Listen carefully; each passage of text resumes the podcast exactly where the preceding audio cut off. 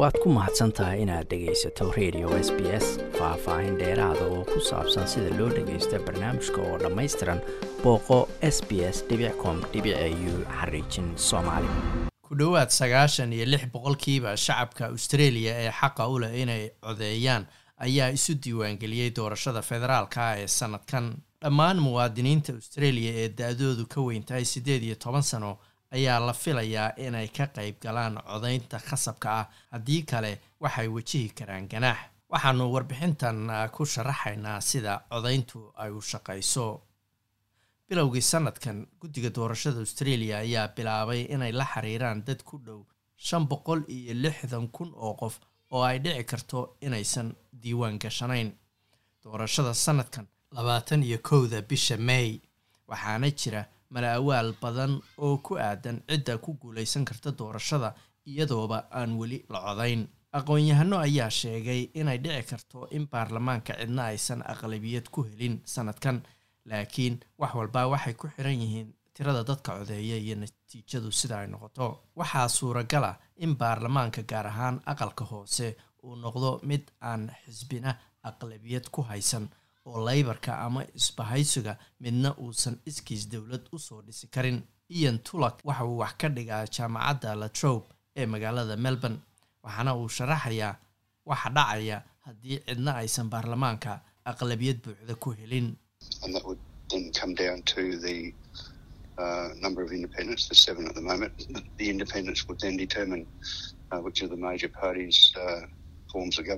markaas waxay ku xirnaanaysaa tirada xildhibaanada madaxa bannaan hadda baarlamaanka waxaa ku jira toddoba xildhibaan oo madax bannaan markaas xildhibaanada madaxa bannaan ayaa go'aaminaya cidda dowladda soo dhisaysa oo cidday taageeraan ayaa dowladda soo dhisaysa.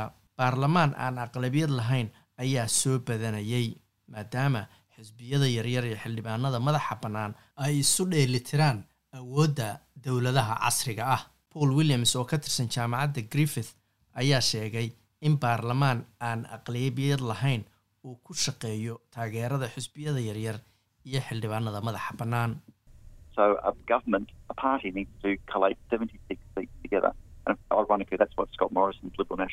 Si dowlad uu u dhiso xisbigu wuxuu u baahan yahay inuu isu keeno toddobaatan iyo lix xildhibaan ama toddobaatan iyo lix kursi waxaa cajiiba in isbahaysiga liberaalka iyo nationalka ee scott morrison uu hogaamiyo ay intaas ku joogaan hadda. Waxayna doonayaan inay aqlabiyadaasi sii kordhiyaan doorashadan. Haddii ay kursi waayi lahaayeen tusaale ahaan bilowgii sanadkan oo doorasho gaara la qaban lahaa laybarkuna heli lahaayeen kursigaas dowladda dowladda laybarka ayaa la wareegi lahaa. Waa lagama maarmaan in dadku ay raacaan tilmaamaha sida loo codeeyo si ay codkooda u dhiibtaan codkooduna uu u noqdo mid la tiriyo qeybna ka qaata go'aanka cidda dalka xukumi doonta sanadaha soo socda. Guddiga doorashada australia ayaa sheegay in codbixiyaashu ay codsan karaan warqad kale haddii midda hore wax khalada ay ku qoraan si markaasi loogu bedelo oo ay u saxaan wixii ay khaldeen. Guddiga ayaa intaa ku daray inay muwaadiniintu xaq u leeyihiin mas'uuliyadina ka saaran tahay inay codeeyaan waxayna mutaysan karaan xabsi haddii qofku hal mar ka badan uu codeeyo hal doorasho. Dadka sii saadaalinaya cidda guulaysanaysa habeenka doorashada dor peter jan oo ka tirsan jaamacadda sydney ayaa u sheegaya in cod aruurinta la sameeyey ay tilmaan fiican tahay.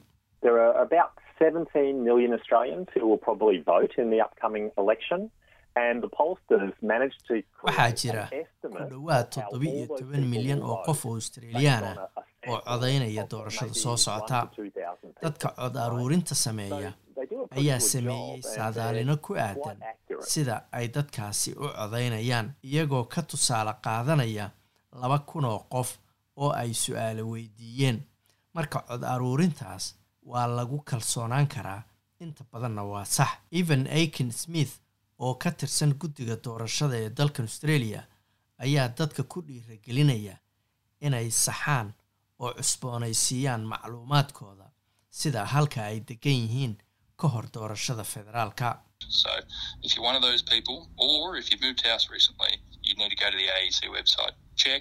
haddii aad dadkaas ka mid tahay ama aad guriga ka guurtay dhowaan waa inaad booqato website-ka guddiga doorashada oo aad fiiriso inaad diiwaan gashan tahay iyo in kale ama aad saxdo macluumaadkaaga gaarka ah. Macluumaadka codaynta ayaa ku qoran luqado kale oo af ingiliish aan ahayn iyo luqadaha dadka dalka loogu yimid si loo xaqiijiyo in qof walbaa fahmo nidaamka dhanka kalena dad badan ayaa hore u codeeya inta aan la gaalin maalinta doorashada.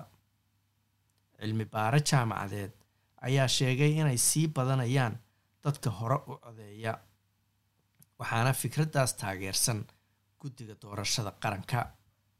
Doorashada federaalka ee sanadkan hogaamiyaasha xisbiyada iyo musharaxiinta ayaa la kulma codbixiyaasha iyagoo si foolka foola ula kulma xaflado ka qayb gala iyadoo hadda xanibaadihii covid nneteen-ka intooda badan la khafiifiyey kulamadan oo loo bixiyey kulanka salaan kulamadan oo loo bixiyey kulan oo salaan oo ay ka mid yihiin kuwa miis la wada fadhiisto isku sawir ayaa dhammaantood qayb ka ah ololaha doorashada.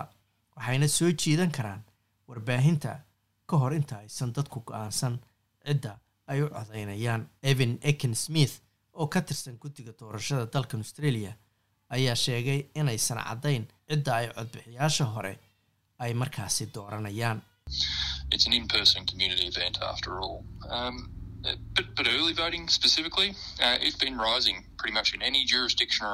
Doorashadu dabcan waa mid qof ahaan loo codeeyo oo goobta lagu codeeyo laakiin codaynta hore gaar ahaan aad bay ugu sii kordhaysay dalalka ogol in codadka la sii dhiibto. Doorashaba doorashadii ka dambeysay toban ama shan iyo tobankii sano ee u dambeeyeyna dadka sii codaynayay way sii kordhayeen. Waxaase dhici karta in sida dadku moodaan aysan u kordhin. Hore u sii codayntu waxay noqon kartaa in qof ahaan aad goobta tagto oo aad ka codayso ama muwaadiniintu waxay codkooda ku dhiiban karaan warqad ay boostada ku diraan. Laakiin maer akin smith ayaa sheegay inuu filayo in dadku ay ku codayn doonaan goobaha codbixinta.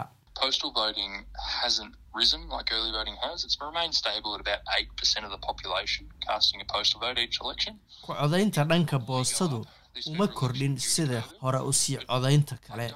Tirada dadka boostada ku codeeyey isma bedelin oo siddeed boqolkiiba ayay ahayd intii muddo ah. Waxaa dhici karta inay kororto doorashadan federaalka covid nneteen-ka awgiis laakiin ma uu malaynayo inay aada u kordhayso ayuu yidhi. Hore u sii codaynta iyo in boostada lagu codeeyo waxaa samayn kara shaqsiyaadka ku sugan xaafad ka baxsan goobta ay ka diiwaan gashan yihiin. Waana inaad goobtaada goobta codaynta ka fog tahay in ka badan siddeed kilomitir ama aadan shaqada ka tegi karin. Sababaha kale ee lagu ogolaado inaad hore u sii codayso ama boostada ku codayso waa in aadan goobta codbixinta tegi karin sababo diimeed awgeed ama aad xiran tahay oo xabsi ku jirtid ama naftaada aada u baqaysid ama u cabsanaysid waxaa kaloo la ogol yahay sababo caafimaad ama haddii haweentu ay uur leedahay. Arrimahaas oo dhan waa la ogol yahay in hore loo sii codeeyo. Ian tulub oo ka tirsan jaamacadda latrobe ayaa sheegay in hore u sii codayntu ay wax weyn ka bedeli karto ololaha doorashada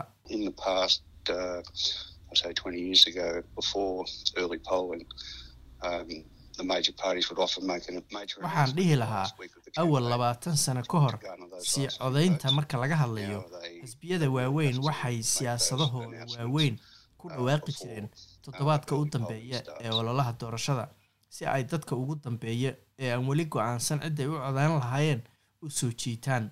Haddase hore u sii codaynta awgeed waxay ku dhawaaqaan siyaasadahooda waqti hore.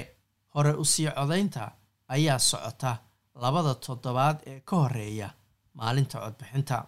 Macluumaad dheeraada waxaad ka heli kartaa website-ka guddiga doorashada oo ah australian election commission website. Waad ku mahadsantahay inaad dhegaysato raadiyaha s b s toos u dhegaysa barnaamijka habeenada arbacada iyo jimcada tobanka fiidnimo. Ama kaga soo cesho website-ka iyaga iyo s b s radio app booqo s b s com au xariijin soomaali